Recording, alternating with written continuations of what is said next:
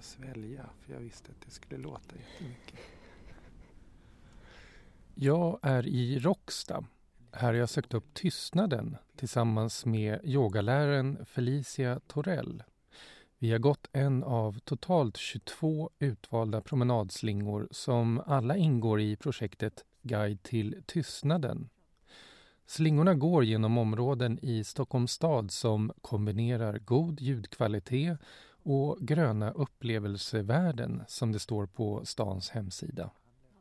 Problemet, eller utmaningen, är att det aldrig är just tyst. Oh, isen, hör du isen? Vi står alltså här vid Mälarens strand. Vi har gått från Rockstads tunnelbanestation ner på den tysta promenadslingan här.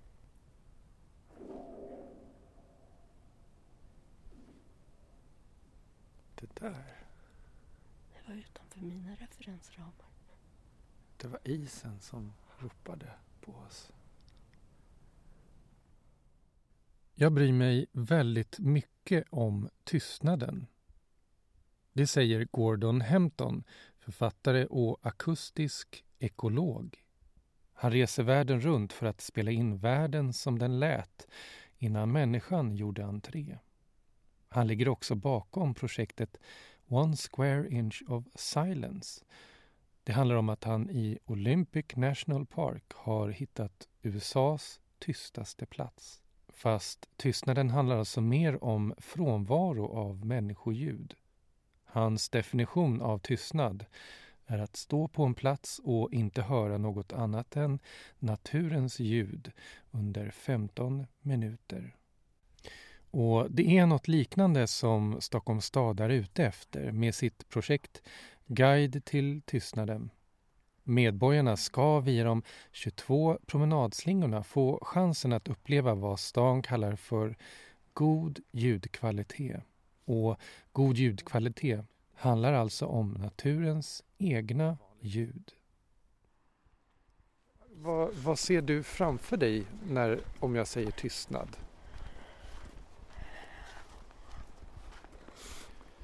Ja, först, först är någon slags rymd tror jag. Kanske,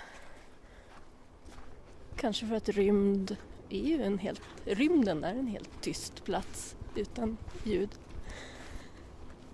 Men eh,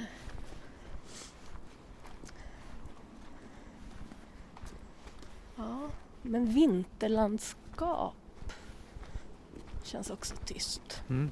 Om det inte blåser då förstås. Men det här stilla, frusna.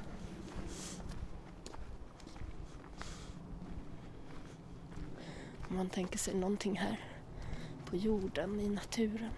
Mm. Behöver vi tystnad?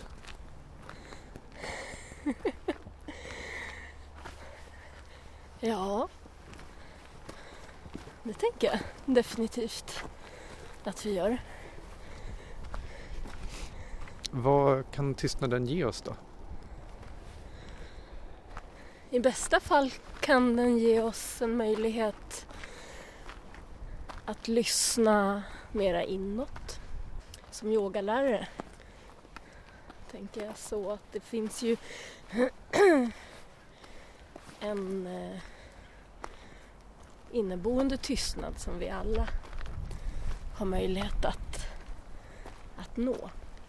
Och kanske tystnaden i miljön kan vara en väg som så här i naturen.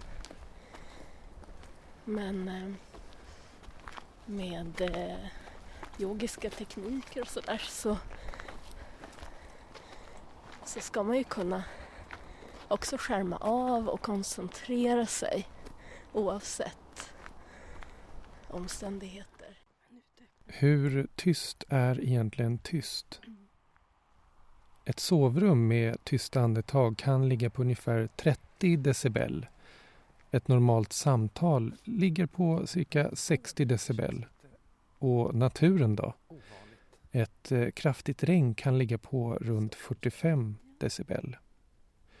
Gordon Hempton, den akustiska ekologen, har i artiklar diskuterat vilken djurart som kan höras längst bort.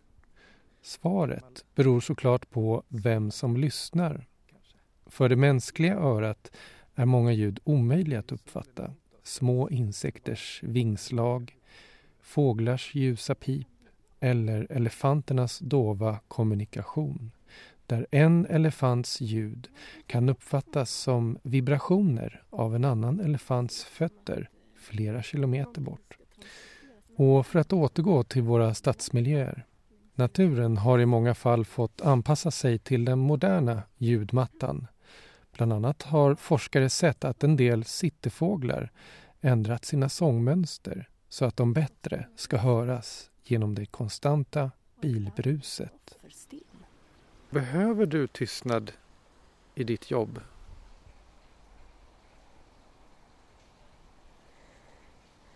Ehm, ja, det behöver jag nog.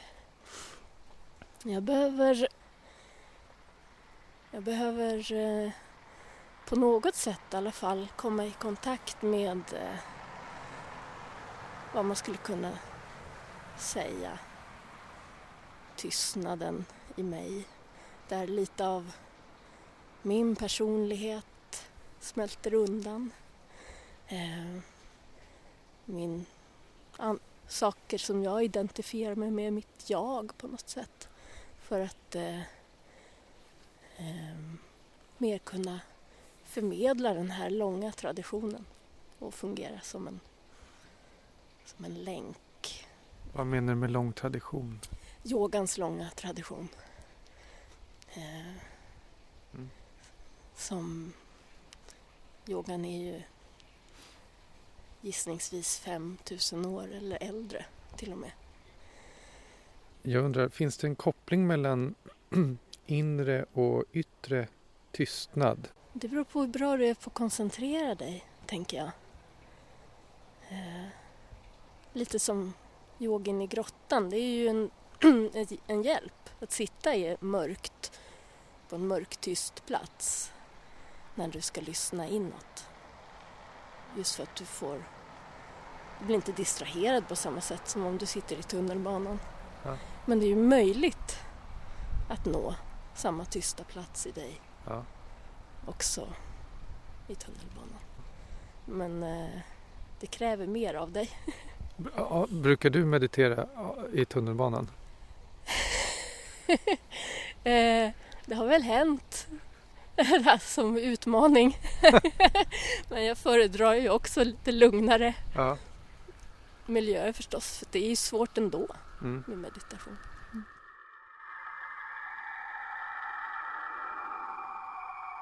I rymden kan ingen höra dig skrika.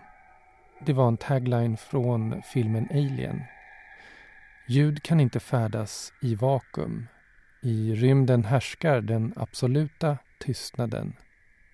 Fast det stämmer inte helt, har NASA visat. Våra öron kan inte uppfatta något men det existerar faktiskt elektromagnetiska vibrationer.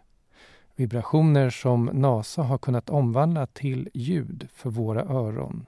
Som det vi just hörde. Musik från Saturnus. Brukar du eh, gå ut i naturen för att hitta tystnaden? Jag sitter nog mera på yogamattan för att hitta tystnaden. Men, men jag... eh, Ska vi gå över här? Men jag brukar gräva i jorden och så. Plantera och sitta på huk och titta och sådär Mm. på sånt som växer. Mera i, i, i min trädgård på landet Mm. eller andras trädgårdar. Vad, vad uppnår du med det då? Jag har nog inte tänkt på om det skulle vara tystnaden som jag uppnår med det. Men eh, närvaro är det i alla fall. Att jag stannar upp.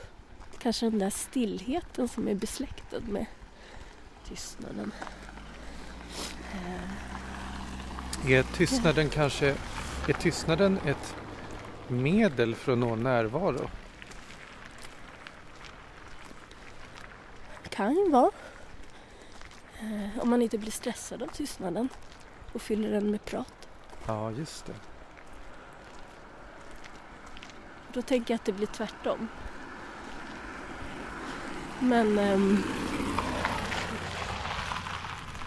nej, ja, jag tänker man kanske kan vända på det och säga att du behöver närvaro för att kunna uppskatta tystnaden. För att kunna... Eh, ja, Mm.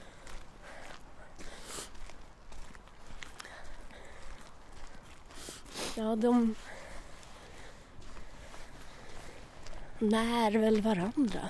Ja. Eh, Svåra tankar, Stefan. Vad skulle... Nu, nu går vi ju sakta tillbaka mot tunnelbanan Råcksta station. Och har nu gått den här slingan då.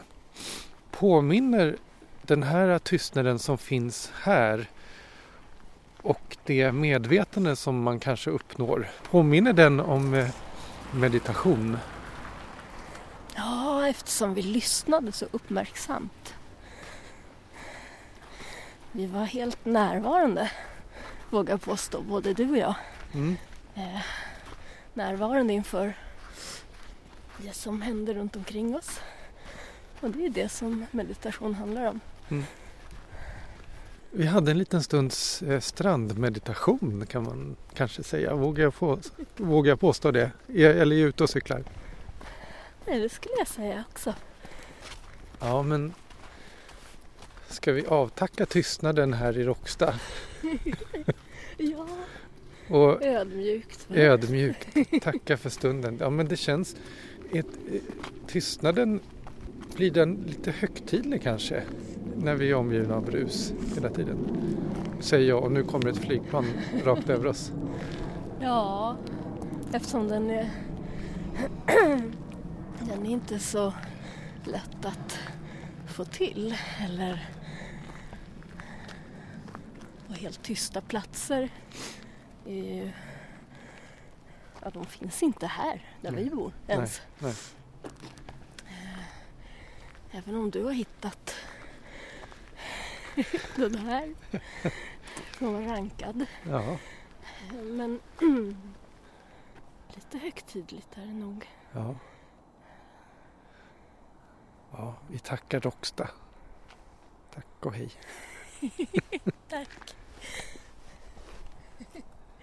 Ni har hört på podden Natur på SL-kortet med mig, Stefan Nordberg. Jag och avsnittets gäst, Felicia Torell, gick en av Stockholms stads promenadslingor som ingår i projektet Guide till tystnaden. Vår promenad började vid Råcksta träsk och fortsatte in i Grimsta naturreservat. Vill ni veta mer om programmet kan ni gå in på www.juriskt.se eller på Facebook-sidan för Natur på SL-kortet.